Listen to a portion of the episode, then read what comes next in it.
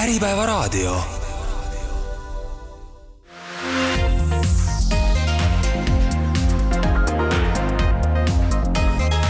Trinity eetris.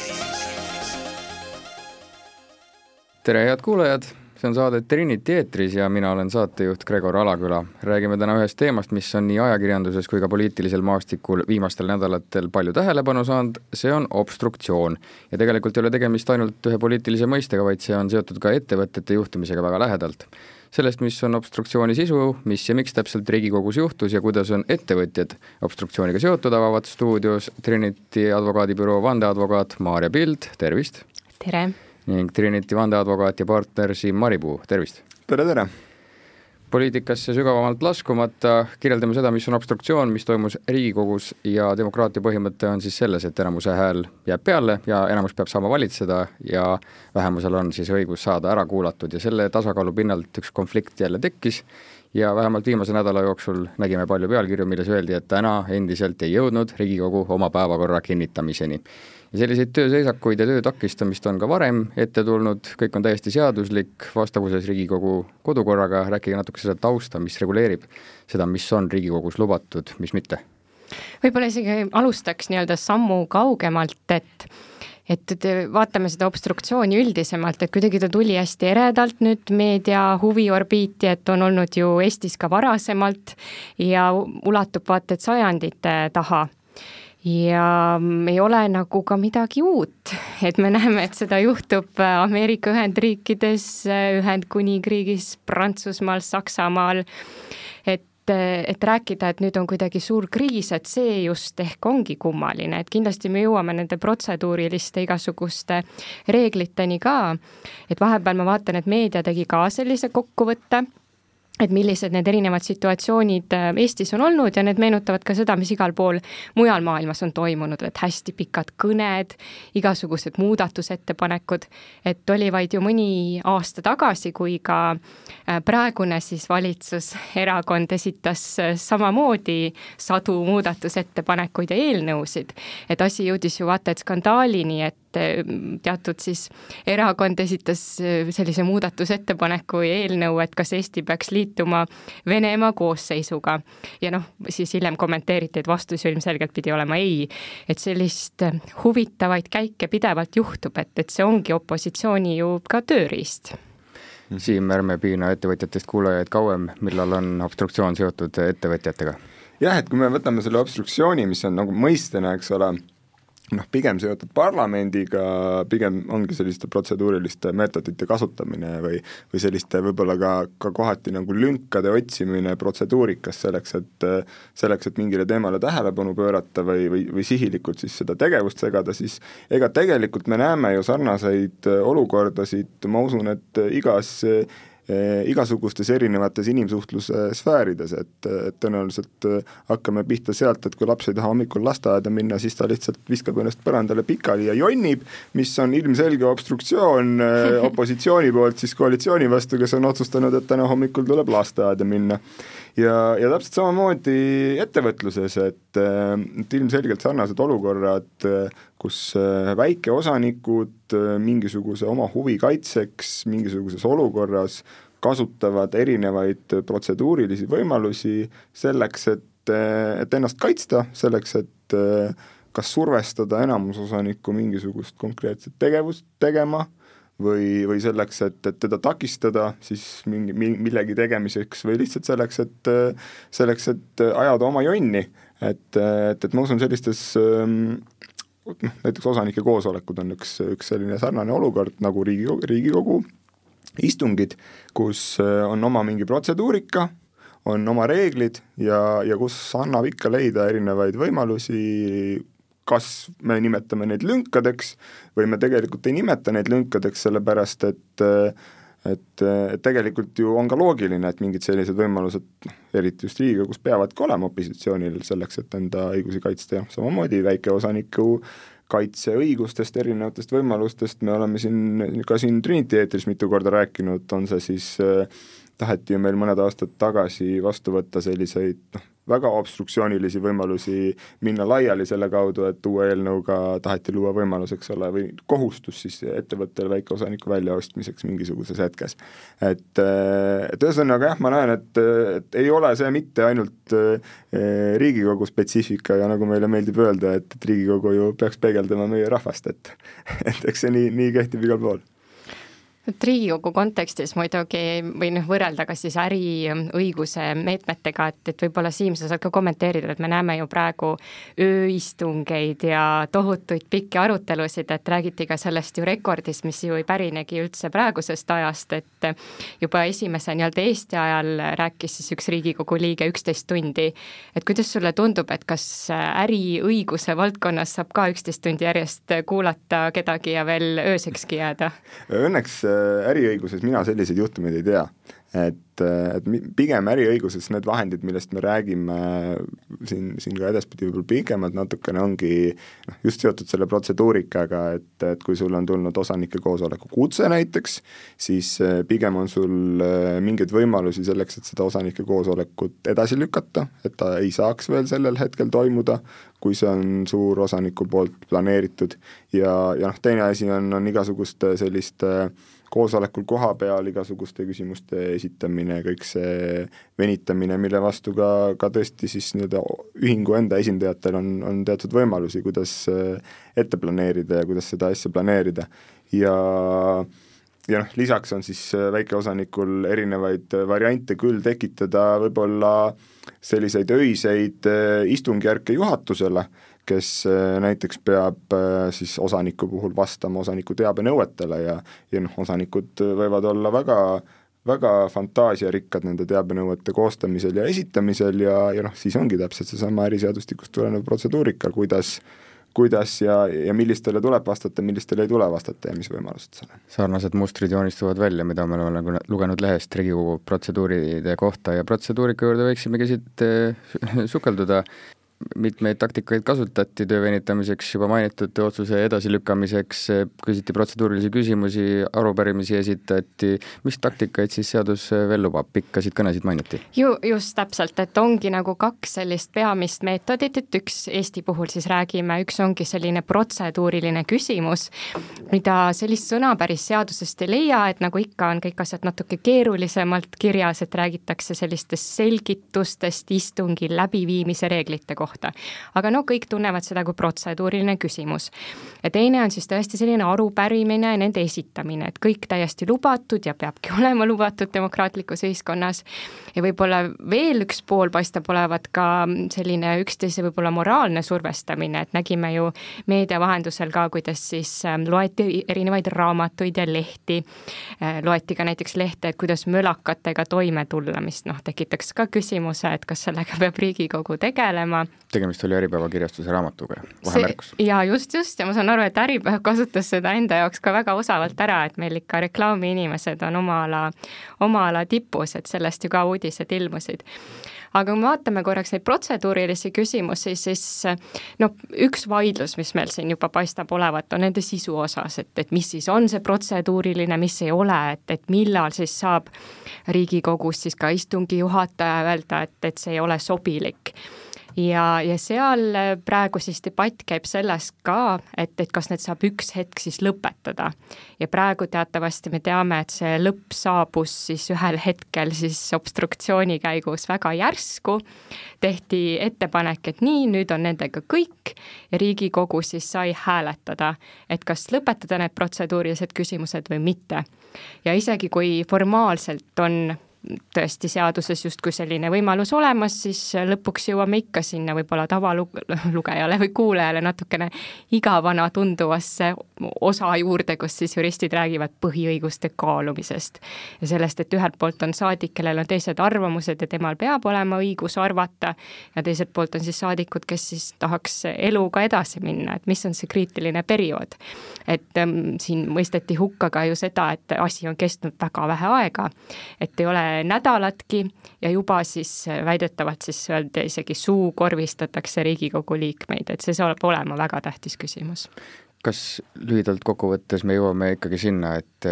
suurema, tugevama enamusosaniku koalitsiooni hääl jääb peale ja väikestel ei ole mõtet väga, ei ole, ei ole sõnaõigust no see kindlasti mõte ei saa olla, et kui me vaatame ka isegi sajandeid tagasi, siis juba siis arutati selle üle, et, et ka kõige suuremad obstruktsioonivastased ja kes viibutavad näppu, ütlevad, et midagi sellist ei tohiks lubada, näevad ikkagi või peavad möönma, et sellel on ka nii-öelda oma teatav point. Et ka vähemusel siis parlamendis on oma hääl ja õigus välja öelda. Ja ka tegelikult ju õiguskantsler Ülle Madise ütles äh, ka väga-väga hästi ja täitsa isegi kasutas sellist terminit, nagu tuleb südamest arutada neid olulisi eelnõusid, et hetkel ju samamoodi need küsimused ongi väga olulised ja ka päris suure osa ühiskonna jaoks ka päris vastuolulised. et kui neid läbi aruta, siis see pahameel jääb paratamatult õhku. et jah, kas need meetodid peaksid olema nii võib-olla ka radikaalsed, et peab äh, iga öö siis veetma Riigikogus, aga noh, teiselt poolt võib-olla leitakse, et ei suudeta oma seda mõtet siis kohale tuua. ja see ei ole absoluutselt ju esimene kord, kui nii juhtub kõrvaltvaatajale võibki jääda mulje, et töö seisab nii-öelda maksumaksja raha eest ja tehakse tsirkust, aga tegelikult just eh, soovib siis opositsioon saada ära kuulatud ja takistada siis seda poliitika elluviimist, aga kahju on tegelikult ju suurem, sest et eh, protestides ei tunnustata Riigikogu rolli, mis ta peaks, peab olema mm. -hmm siin on eh, selles mõttes hea tuua nagu natukene ka paralleeli äriõiguse maailma, et et tegelikult on ju hästi suur roll nii kõikidel sellistel koosolekutel ka koosoleku juhatajal ja noh, olles ise ka päris palju erinevate klientide tellimusel selliste koosolekute ja sealhulgas väga selliste konfliktsete koosolekute juhataja rollis olnud, siis, siis, siis, siis tooksingi paralleeli sellega, et meil ju ka hästi palju räägitakse sellest, et kui oluline on parlamentaarne debatt ja ja, ja et et see noh, et oluline on see, et neid eelnõusid arutataks läbi ja, ja, ja kõik see, aga samas ise ma enda kogemusest just nagu noh, äriõiguses ja, ja koosolekutes koosolekutel tegelikult äh, on nagu, nagu hea tuua sellist paralleeli, et tegelikult need koosolekud ongi ju kaks viisi, kaks erinevat nagu tüüpi. et ühed koosolekud on tõesti sellised, kus inimesed saavad kokku, tahavad arutada äh,, tahavad aktsepteerida üksteise nägemusi ja tahavad neid üksteise nägemusi siis mingisugusesse dokumenti või otsusesse nagu sisse viia, ehk siis toimubki reaalselt mingisugune debatt selleks, et noh, ma ei tea, räägime siin sellest, et, et võtta vastu mingi seaduseelnõu või, või või siis ühingute puhul teha mingit eelarvet, teha mingit suuremat investeerimisplaani, otsustadagi reaalselt nagu järgmiste äh, aastate tegevuskava. ja siis on see selline teine pool, eks ole, kus, kus noh, ongi ühel, ühel poolel on mingi selge oma nägemus ja teisel poolel on mingi selge oma nägemus, kus tegelikult tähendab see seda, et, et ega sellist noh, tegelikult debatti ju, ju kumma, kummalgi poolel ei olegi huvitat-, noh, kummal, kumbki pool ei ole huvitatud sellisest äh, debati läbiviimisest ja tegelikult toimubki ühe poole poolt nagu läbisurumine ja teise poole poolt äh, selle kõige tegevuse takistamine ja ja noh, see on see koht, kus, kus ongi see tegelikult sellisel juhul, kui me saame kokku ja tahame arutada midagi, siis see protseduurika tegelikult ju üldse nii oluline ei ole, vaid pigem siis me võimegi arutada, aga kui justkui, kui on selline olukord, kus, kus toimub mingisugune kas siis läbisurumine või siis millegi absoluutne takistamine, siis, siis see protseduurika muutub oluliseks ja siis ongi oluline järgida ja vaadata seda, et kõik toimuks täpselt nii, nagu see protseduurika toimub, et noh, aga, aga noh, täna me selgelt, kui nagu seda riigi poolt vaadata, siis me olemegi ju sellises olukorras, kus noh, me võime siin rääkida sellisest suurest ja tähtsast eesmärgist nagu parlamentaarne debatt, aga noh, ilmselge on see, et, et keegi ju seda nagu nii väga pidada ei taha. võib-olla siin natuke oponeeriks, äh, Siim, sulle, et lõpuks ju see näitab ka meie ühiskonnas midagi, kui see noh, kui võib-olla sisult olematu debatt on nii terav,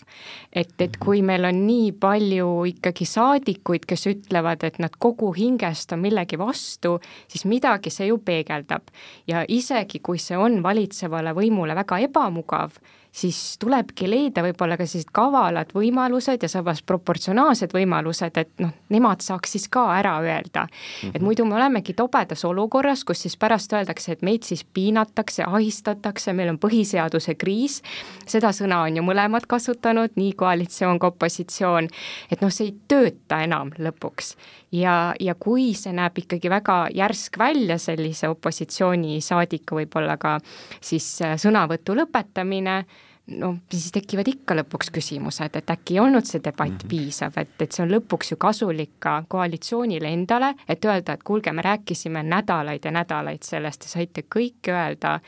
hetkel on tõesti nii, et nüüd me lõpetame, et noh, seal vist ongi see raskuspunkt, et isegi nii-öelda kui keegi jaurab, siis sellel on ka oma märk, eriti nii siis kõrges esinduskogus. ei, nagu ma ka ütlesin, et ma olen hästi nõus sellega, et tegelikult see nii-öelda jauramise võimalus peabki olema olemas ja, ja sellega soov nagu tähelepanu tõmmata enda muredele noh, ilmselgelt ka nendel muredel on ühiskonnas mingisugune taust, eks ole, valijate näol, siis,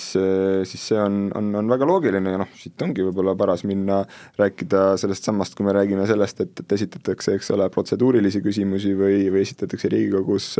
arupärimisi, siis äri, äriühingu õiguses on osanikel, aktsionäridel täpselt samamoodi teabeõigus, eks ole kus äh, osaühingute puhul see teabeõigus on nagu väga lai, ehk et, et seadus ütleb selgelt, et osa, osanikel on õigus saada juhatuselt teavet osaühingu tegevuse kohta ja tutvuda osaühingu dokumentidega, kus ka kohtupraktika tegelikult on leidnud, et on leidnud, et, et see õigus on suhteliselt absoluutne ja, ja küll aga on siis piiratud seda sellega, et et, et see ei saa tähendada seda, et, et, et juhatus siis peaks tegema või valmistama ette osanikele mingeid eraldiseisvaid nagu dokumente, mis on selgelt erinev, et täna meil siin, kui me Riigikogu esi-, Riigikogu liige esitab arupärimise, siis,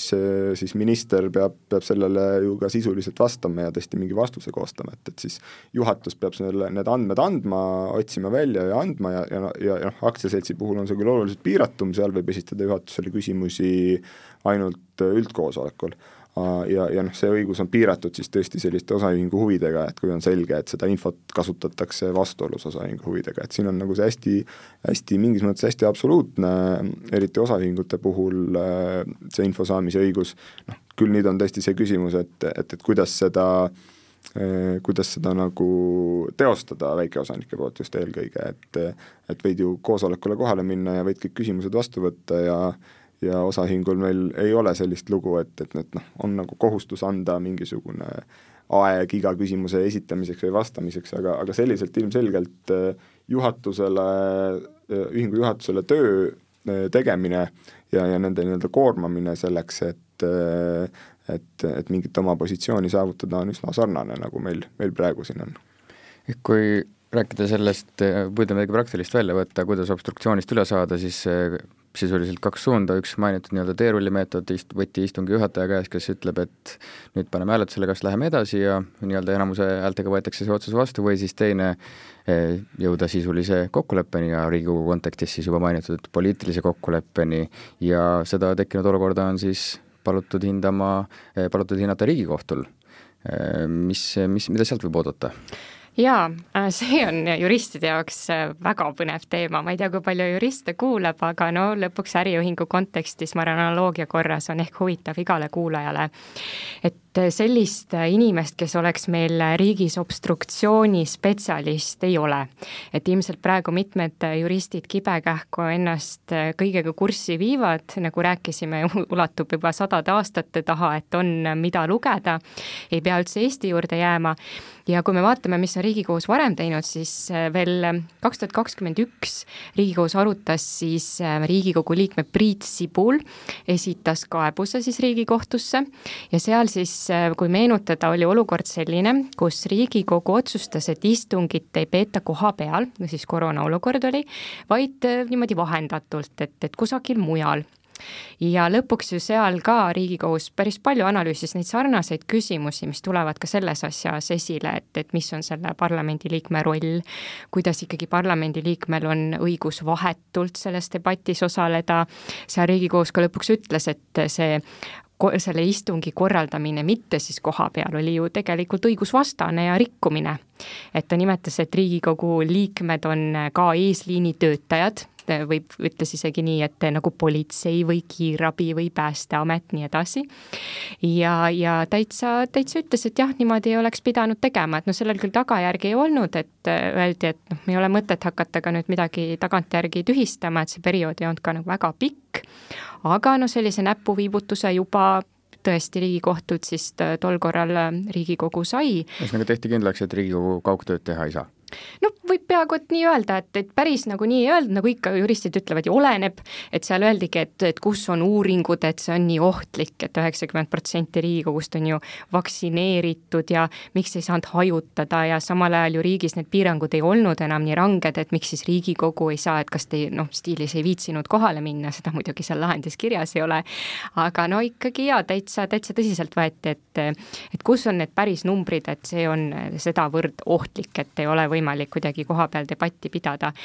et ka praegu ma usun, et need küsimused saavad olema väga sarnased, et see isegi kui see norm on, et on tõesti võimalik piirata siis kas siis protseduuriliste küsimuste küsimist või, või eelnõude esitamist, arupärimisi, siis lõpuks ikka oleme seal, et hakatakse seda tasakaalu analüüsima. et kas oleks pidanud kauem, kas oleks pidanud võimaldama, kas mindi üle piiri, sest noh, nüüd rääkida sellest, et, et, et sellised piirangud on enneolematud, see ei ole ka õige et jälle vaatame kas või Ühendkuningriigi parlamenti, et seal on juba sajand tagasi vastu võetud selliseid otsuseid, kus siis piiratakse aega näiteks, et kaua midagi menetletakse, või siis tõesti lõpetataksegi debatt, et on, on ka selline võimalus, kui asi hakkab nii-öelda käest ära minema. aga kas praegu oli see hetk, et noh, nüüd saabki siis otsustada, et seal veel eraldi selline huvitav asi on, et öeldakse, et küsitakse ka esialgset õiguskaitset et see siis tähendab seda, et Riigikohtu käest palutakse midagi siis pausile panna või midagi nii kauaks keelata. et hetkel ei ole teada, mis see sisu on, et, et kas siis küsitakse, et, et uuesti saaks äh, Riigikogus sellist otsust vastu võtta, et protseduurilisi küsimusi või esitada või, või arvamusi, et noh, eks see selgub, et tõenäoliselt meedias antakse neid selgitusi täpsemalt, mis see sisu on, me ei tea. et selge on, et see ei saa ka liiga lai olla. et kui küsitakse liiga palju, siis Riigikohus ütleb lihtsalt, et noh, ma ma ei ole parlament, et meil on ikkagi võimude lahusus, et nii palju ei saa ka loota, et, et vaatame, väga huvitav. eelmise poole lõpet-, lõpus rääkisime sellest, millist otsust võib oodata Riigikogu obstruktsiooni kontekstis Riigikohtult ja kui kaua see otsustamine aega võib eh, võtta, kuigi on palutud ka esialgset õiguskaitset, et eh, mis siis praegu toimub, praegu ei saagi nii-öelda Riigikogu oma tööd jätkata ei, ikka saab, et ähm, ei ole minu teada isegi veel ära esitatud, et me salvestame seda saadet üks päev varem, et äh, hetkel justkui on teada, et neljapäeval esitatakse siis kaebus Riigikohtusse, sada protsenti ma küll ei tea, mis see päev on, hetkel sisu ei tea, ja siis äh, Riigikohus kõigepealt muidugi peab kiiremas korras esialgse õiguskaitse taotluse lahendama. Ja see seejärel hakkab siis seda asja menetlema, aga noh, me nagu näeme ka teistest asjadest, et Riigikohtul on võimalik ka aega teinekord juurde küsida, et ei olnud ju nii kaua aega tagasi, kui ka sedasama ajakirjanike trahvi menetleti, nii et täitsa kanti üle kõike, et siis võt-, ka Riigikohus võttis veel aega, et isegi pikendada seda otsuse tegemist, et, et me ikka räägime tõenäoliselt paarist kuust kindlasti, et ei usu, et kiiremini mingisugust lahendust tuleb, aga esialgne õiguskaitse võiks ikka oodata, no tahaks loota, et no nädalaga tuleb äkki prakti-, praktiliselt, mis see tulemus võiks olla, Riigikohus otsustab siis, kas oli õigusvastaselt käitutud või mitte, et Riigikohtusse siis said pöörduda saadikud, mitte siis erakonnad ja fraktsioonid jah, eelkõige jah, seadus räägib, et just see saadik siis saab pöörduda, et seda, kuidas seal lahendati, lõpuni ei tea, et Ülle Madise juhtis ka sellele õiguskantsler tähelepanu, et tuleb vaadata, kuidas sõnastada, et kes siis pöördub, et võidakse muidu tagastada. ja tõenäoliselt siis kas, ei teagi, läksid fraktsioonid, kuigi ka seda mõisteti hukka, et võib-olla tõesti ühekaupa siis kõik Riigikogu liikmed selle kaebuse esitavad. aga noh, eks, eks siis näis nagu juba mainitud, siis tulemusest ja Riigikohtu otsusest eh, hoolima- või sõltumata eh, on vaja ikkagi jõuda poliitilise kokkuleppeni, et eh, sellise sujuva koostööga jätkata. siin hüppame siit jälle äriühingute maailma, ettevõtjad ei ole nii suure tähelepanu all kui Riigikogu ja võib-olla iga päev ei kajastata meedias, aga kui tekib siis seal aktsionäride osanike koosolekul mingi sarnane, sarnane konflikt, et takistatakse tööd, on ka kohtusse mindud? ja ikka, et äh, võib-olla mis on nagu hästi oluline nagu erinevus mingis mõttes siin, on see, seesama nii-öelda koroona kodutöö vaidlus, äh, äh, mis, mis Riigikohtus, kohus ära menetles, eks ole, seal tegelikult ju Riigikohus ikkagi ütles seda, et, et need, et, et võis küll olla mingeid protseduurilisi minetusi, kuid, kuid need otsused, mis sellel ajal vastu võeti, need seadused, mis sellel ajal vastu võeti, need kõik on, on ju jätkuvalt kehtivad ja ja, ja Riigikohus seda teemat seal ka, ka üsna põhjalikult analüüsis ja, ja leidis, et seal need minetused igal juhul ei olnud nagu piisavad selleks, et et see oleks seda seadust kuidagi tühist-, noh, nii-öelda tühiseks teinud või, või, või kehtetuks, jah. kehtetuks mm -hmm. muutnud ja ja, ja noh, ütleb ka seda, et, et Riigikogu liige ka nagu seaduse tühisust äh, ei saa minna, noh, seaduse tühistamist ei saa otseselt minna, minna nõudma. et, et siin on hästi selge erinevus äh, ühinguõigusega, et kui me siin ühinguõiguses räägime näiteks osanike koosoleku äh, kokkukutsumise või, või pidamise nõuetest, siis, siis siin on nagu hästi selge ja absoluutne, et et kui koosolek on kokku kutsutud seaduse nõudeid rikkudes, siis selline koosolek ei ole äh, pädev otsuseid vastu võtma ja, ja sellisel koosolekul vastu võetud otsused on tühised. et ähm, et noh, me võime rääkida siin sellest, et kui koosolek kutsutakse kokku äh, mingit etteteatamistähtaega rikkudes või, või, või kui koosoleku osas on seal näiteks osanikel on võimalused äh, võimalused päevakorda täiendada mingisuguse aja jooksul ja kõik sellised osanike õigused äh, koha peal, äh, või noh, jah, et osanike õigused, et, et siis sellisel juhul, kui neid on, on rikutud, siis sellised koosolekud äh, otsuseid noh, nii-öelda vastu võtta ei saa. ja, ja, ja selle kohta, seda saab siis tõesti kohtus, selle tuvastamist saab nõuda ja, ja, ja neid, neid vaidlusi tuleb ikka päris, päris palju ette, oluliselt rohkem kui, kui Riigikohtu või tähendab, oluliselt rohkem kui Riigikogu otsuste tühistamist, et siin, siin äh, saab vaielda küll neid, neid teemasid. iga obstruktsioon toob siis advokaatidele tööd no kas just seda, et just enne arutasime, et selle valdkonna eksperte ju ei ole, et tuleb väga haruharva ette, et pigem praegu paistab, et toob riigikohtunikele tööd, et meil mhm. tuleb teadjaid kindlasti juurde. et vaatasin ka selleks teemaks valmistudes, et juristid ongi üpris ebakindlad, mida juhtub väga harva, sest tavaliselt jurist on, teab kõike, muidu ta ei räägi midagi. et kui lugeda ka arvamusartikleid, mis kirjutas ka Euroopa, endine Euroopa Inimõiguste kohtunik ja Riigikohtu liige, et selliseid äh, lõplikke järeldusi on väga vähe ja väga palju ka öeldakse, et, et keegi kadesta riigikohtunikke, et nad peavad seda arutama, et ilmselt ongi uus teema. et kui on juba ka kohtumenetlusest mitu korda miski läbi käinud, siis on seda julgust ka juristidel öelda, et ühte või teistpidi on rohkem. Ja, ja praegu me näeme ka, ka väga erinevaid seisukohti, et kas või seesama õigusanalüüs, mis tehti enne, kui siis äh, koalitsioon otsustas sellise käigu teha, et piiranguid kehtestada, et, et ka seal on juba mitmeid punkte, noh, kus võib küsida, et kas siis on täpselt nii, näha on, et veel seda põhjalikku analüüsi ei ole, nii et noh, jah, kas just juristidele tööd küll, aga kui paljuks jah, vast ikka igapäevaseks asjaks obstruktsioon vähemalt Riigikogus ei saa. kas see Riigikohtu lahend loob eh, ka mingi teatava pretsedendi või mõjutab tulevast õigusloomet või seda, kuidas tulevikus siis selliste obstruktsioonidega Riigikogus käitutakse? ma usun, et see ongi vist mõte olnud, et kõik, kõik poliitikud on seda justkui rõhutanud, et nad ootavad sealt vaata et mingisugust kuld, kuldvõtmekest või mingit väga head lahendust. et selge on, et kui Riigikohus ühte või teistpidi otsustab, otsustab, siis hakatakse seda lahendit kasutama ja sinna viitama, sest noh, oleks äärmiselt kummaline, et kui Riigikohus peaks otsustama, et mingisugune otsus oli seadusvastane, õigusvastane, et siis kes tahes või milline koosseis Riigikogus tahes otsustaks täpselt samamoodi uuesti. et, et mingisuguseks teed rajavaks ja üpris tähtsaks teed rajavaks otsuseks see kindlasti saab. juba mainitud korduvalt, et obstruktsioonil Euroopas pikk ajalugu ja ka eelnevat kogemust ettevõtte ärimaailmast arvestades, mis teie hinnangul on tõenäoline, mida Riigikohus otsustab või mis argumendid neil kaalumisel on? oi, see on küll üks küsimus, millele ükski jurist vastata ju ei taha et tõenäoliselt see kaalumise punkt saabki olema see, et kas need meetmed olid proportsionaalsed, nagu ikka. et kas äh, oleks olnud ka mingisuguseid teisi lahendusi, nagu me enne arutasime, et, et anda mingisugused kindlad ajad, ajaaknad, võimaldada igal saadikul mingi kogus küsimusi esitada, selgitada võib-olla Riigikogus rohkem seda, et, et kuulge, et kui noh, nüüd see nali lõppes, siis meie plaanid on sellised, et ma saan aru, et see tuli tegelikult ka opositsiooni jaoks natuke nagu välk selgest taevast, et meil ju erakonnad vahetuvad, valitsused vahetuvad, et noh, kunagi ei tea, kes kummas positsioonis on, et see tasakaal tuleb paratamatult leida. et selle üle ilmselt hakataksegi siis tõesti arutama, aga seda öelda ette, et ühte või teistpidi läheb, ei, ei julge, ma ei tea, kuidas Siim, sina. Jah, ega ei, jah, selleks on meil olemas ju kohus, kes, kes selle otsuse lõpuks teeb ja ütleb, mis see seis on ja ja ütleb ka seda, et, et kas, kas, et mis on, isegi kui on mingeid minetusi, siis kas sellel on mingisugune mõju nendele, nendele seadusandlikele protsessidele, mis, mis tegelikult on ju Riigikogu kogu eesmärk, et et lihtsalt ma mulle siin hästi meeldib endale jälgida seda,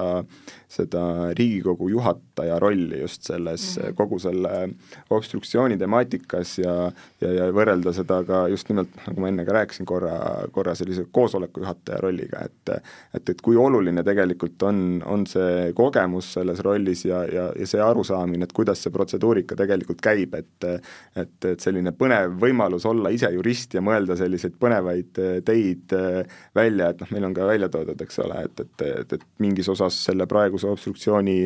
isa või väljamõtleja Urmas Reinsalu, kes on ise ka jurist, eks ole, et, et kes on neid võimalusi leidnud ja, ja, ja, ja siis kuidas Riigikogu juhatus ja koos oma, oma nii-öelda nõustajatega sellele nagu lahendusi üritab leida, et ja noh, siin ongi, ongi ka selline hea, kui peate ise mingeid koosolekuid juhatama, eriti kui peate ise selliseid just nagu konfliktseid koosolekuid, juba ette teataolevalt konfliktseid juhat-, koosolekuid juhatama, siis siis just see, see enda jaoks läbi mõelda, see, see, mis selle koosoleku juhatamise eesmärk on, et, et kas sa lähed parasjagu mingit debatti sinna juhtima, eks ole, debatti pidama või või siis ikkagi ongi vaja minna,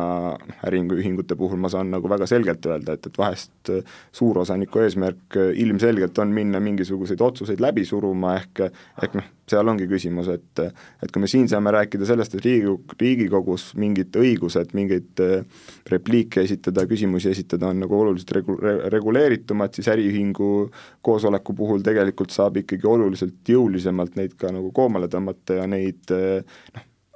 ajadagi, teha oma see protokoll ette ja käia seda protokolli läbi, panna asjad hääletusele, hääletada ära ja, ja võtta vastu ja tegelikult sellises olukorras on väikeosanikul suhteliselt keeruline midagi selle vastu teha, et, et on isegi, isegi tean ühte korteriühistut, kus äh, oli selline olukord, kus äh, kus noh, oligi mingid, vist noh, ma ei, ma ei tahaks öelda, et igas, aga paljudes korteriühistus tõenäoliselt on, on mingid konkreetsed äh, fruktid, kellega, kes teevad äh, koosolekute pidamise põnevaks. ja kellel on alati hästi palju küsimusi ja ettepanekuid ja, ja kes tahavad asju hästi pikalt arutada, eks ole. et, et siis, äh, siis tean ühte koo-, ühte ühistut, kes, kes selle tõttu, et neil need koosolekud hirmus-hirmus pikaks läksid, tegidki selle lahenduse, et võtsid endale advokaadi koosolekut juhatama, millel oli nagu kaks eesmärki. üks eesmärk on noh see, et, et asjad olekski hästi konkreetselt konkreetselt tehtud ja konkreetselt kirjas, aga sellest ehk isegi olulisem eesmärk oli see, et, et noh, kuna need fruktid kipuvad tavaliselt olema ka väga koonrid, siis kui nad teavad, mis see koosoleku juhatamine korteriühistule maksab, siis lihtsalt selle tõttu hakkasid koosolekud toimuma oluliselt lühemalt. see advokaat olite teie? Ei olnud selles olukorras aga jah, olen, olen selliseid konfliktseid koosolekuid e, ühingute, äriühingute puhul ikka, on, on ette tulnud nende juhatamist ja just, just see, just see see protseduurika selles olukorras on ka, on ka mulle väga põnev. protseduurireeglid on olulised, kas teie hinnangul on praegune siis Riigikogu kodukord ja reeglid niimoodi hästi sõnastatud või peaks nendes ka midagi muutma tuleviku tarbeks oh,? ma arvan, et need muudatused ei ole alati kõige parem tee, eriti kui me räägime kitsendustest, et mida lühem on seaduse tekst, pigem olen selle pooldaja, seda parem ja mida vähem detailsem, et jah, mõneti või see võib küll ka segadust tekitada, aga teiselt poolt noh, elu läheb kogu aeg edasi, uued olukorrad on ja kui on seda paindlikkust seaduses, siis on ikkagi meil selle võrra kergem.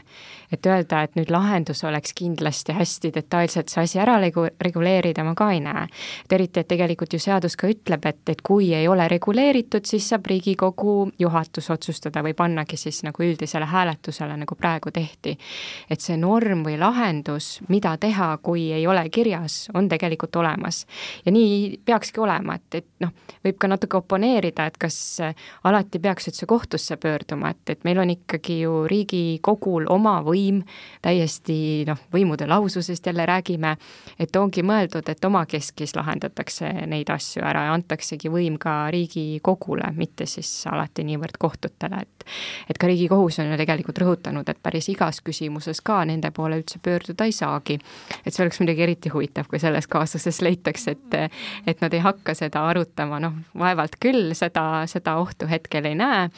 aga miks mitte? Kohtunikud ütlevadki, et kuulge, et, et ärge vaadake meie poole, teie olete Riigikogu, vaielge omavahel need asjad selgeks, teil on kõik seadused ees, kõik mehhanismid antud. Kä-, käesolevas juhtumis siis arutas asja juba nii Riigikogu juhatus kui ka vanematekogu ja leiti ikkagi, et on vaja poliitiliselt kokku leppida, ühele meelele jõuda jah, siin on tegelikult ju, ju huvitav lugu ka see, et, et sellist asja nagu vanematekogu meil nagu seaduses ei ole üldse ette nähtud. et, et, et kui siit võib-olla Maarja mõttest ka edasi minna, siis ma ise ka kindlasti olen selles, sellel seisukohal, et meil on olemas Riigikogu nendele valinud juhatuse, kellel on äh, teatud õigused, äh, kes, kes peakski seda koosoleku korda pidama ja,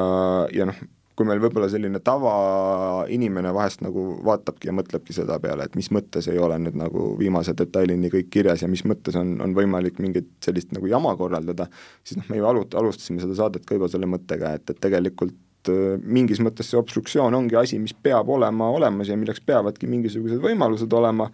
ja, ja, ja teistpidi, mille nii-öelda takistamiseks või piiramiseks peavad olema mingisugused võimalused ja, ja noh, tegelikult see takistamise ühe võimalusena selline heausu põhimõte või mõistlikkuse põhimõte või mis, mis on sellised põhimõtted, mis meile seadustest äh, ikkagi tulevad kõigile igasuguses inimsuhtluses äh,, me lähtume mõistlikkuse ja heausu põhimõtetest, et et, et sellised põhimõtted, mis, mis tõenäoliselt nagu juristidele väga meeldivad ja mille põhjal ka äriühingu õiguses. Me järjest enam äh, näeme kohtulahendeid, mis põhinevad heausu põhimõttel, noh näiteks on, on äh, ka Riigikogus leidnud seda, et, et on teatud olukorrad, kus äh, heausu põhimõttest tulenevalt tuleneb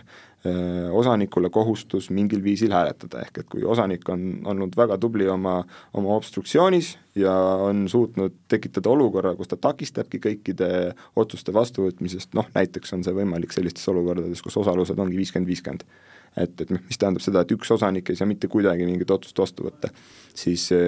siis sellisel juhul, kui äri, kui see ühing ise hakkab sellest tulenevalt nagu väga-väga kannatama, siis on, on võimalik, et, et tekibki kohustus osanikul kuidagi hääletada selleks, et see patiseis, obstruktsioon ära lõpetada ja selleks, et ühing saaks edasi, edasi toimetada, et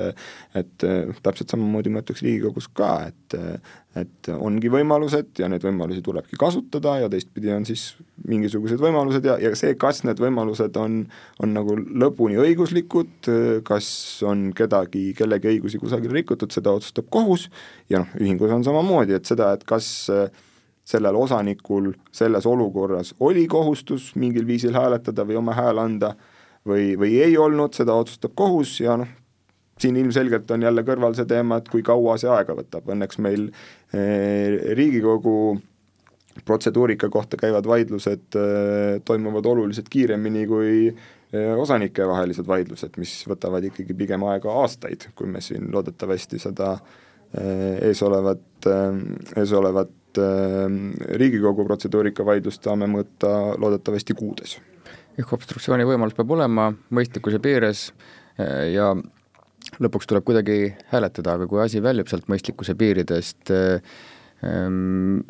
millal võib juhtuda meie Riigikogus see, mis on juhtunud Ida-Euroopa poolsemates parlamentides, millal minnakse üksteise külge käe, käte, kätega kallale? kas võib ka see juhtuda? Tahaks loota, et ikka ei juhtu, et ma näen, vaatasin ka täna debatte, mis Riigikogus toimusid, et asi on läinud väga tuliseks, aga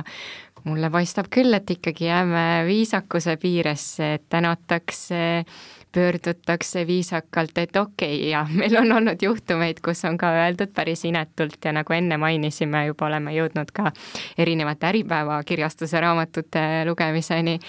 aga see jääb veel noh, enam-vähem mõistlikkuse piiridesse, et, et kui juba kätega minnakse kallale, siis vist on tõesti debatist raske rääkida. ma ei tea, kas Siim, sul on mina, keegi läinud? mina ka väga loodan, et me ikkagi seda ajaloolist ja kõrge, kõrge kunstilise tähendusega Riigikogu mööblit ei pea sealt hakkama ära tassima, nagu, nagu Rohke Debelak siin ühtedes libauudistes üks päev rääkis, et et selliseid probleeme meil siiski ei teki ja, ja, ja päris käsikaudu kallale ei, ei ole vaja minna, küll noh, jälle võin siin paralleele tuua äriühingu õigusega, et, et seal ka seda, et, et keegi lahkub koosolekult, läheb üldse ära, keeldub asjade menetlemisest, need on täiesti tavapärased meetodid, mida kasutatakse ja mida ma arvan, selles olukorras ka võib kasutada püüame äkki kokku võtta mingite konkreetsete soovitustega äriühingu maailmas, siis kõigepealt, kuidas juhatada konfliktset aktsionäride koosolekut? Mina ütleks seda, et, et on hästi oluline aru saada, mis koosolek see on, mida, mida, mida sa lähed juhatama, et, et kui sa lähed juhatama koosolekut, mis on sõbralik, siis, siis sa saadki seda teha sõbralikult, kui sa lähed lähed äh, juhatama koosolekut, kus on ilmselge, et, et tegelikult äh, ei õnnestu midagi arutada, ühe poole eesmärk on igasugust arutelu takistada ja teise poole eesmärk on, on seda siis nagu läbi suruda, siis see, see ettevalmistus, see protseduurika endale hästi selgeks teha äh,, tagada, et, et sa oledki selle koosoleku juhataja, et sul on äh, õigus seda koosolekut juhatada ja ja, ja siis, siis selle nii-öelda protokolli protseduurika järgi täiesti nagu rida-realt Ähm, järgi ajada ja, ja kõikide otsuste tagi-, otsuste vastuvõtmine nii-öelda kor-, korrektselt ära vormistada on, on, on, peaks olema esimene eesmärk ja ja siis kas, kas ja, ja kuivõrd seal on mingeid vigu tehtud, otsustab pärast kohus. et tegelikult saab ka niimoodi mõelda, et, et sa ei saa kõikidele küsimustele koha peal vastata, sa ei saa, sa ei saa, et kui, kui teise poole eesmärk on ikkagi sinu otsuste vastuvõtmist nagu lõpuni takistada, siis noh, tegelikult see ei ole see koht, kus sa hakkad teist poolt ümber veenma, vaid see on see koht, kus sa lähed oma otsuseid tegema. ehk koosolekul raskeid teemasid ei arutata ja pigem tuleks need ära kokku leppida, kokkulepet teha koridorides? jah ja, ma võin küll nii öelda mm. -hmm aga no Riigikogu poole pealt, eh, mida seal soovitada, et ilmselt igatpidi saab soovitada minna süviti. et nii siis olukorras, kui tõesti peaks tulema mingi hetk jälle vajadus äh, kas siis protseduurilisi küsimusi või mm, arupärimist piirata, et minnagi süviti ja selgitada ka vägagi detailselt ära, et miks sinna jõuti. sest ka Riigikohus on enne heitnud seda ette, et kui tehakse teatud otsus, siis ei ole seda analüüsi seal taga. ja teine siis, mis puudutab ka võib-olla nüüd äh, juristide käike ja ka seda kohtumenetlust, et ka seal samamoodi tuleb minna süviti. et ei tohiks vaadata Eestit kuidagi isoleeritult, valituna, et nüüd meil on väga unikaalne, ainulaadne olukord, et neid näiteid on tõesti tohutult olnud ja meil on ka hunnik doktoritöösid, mis kindlasti on juba ammu ootavad lugemist, juba sajandi taguseid. et, et kõike seda saab ka inspiratsiooniks nii-öelda kasutada. See oli saade Trinity eetris, rääkisime obstruktsioonist ja sellest ülesaamisest nii Riigikogus kui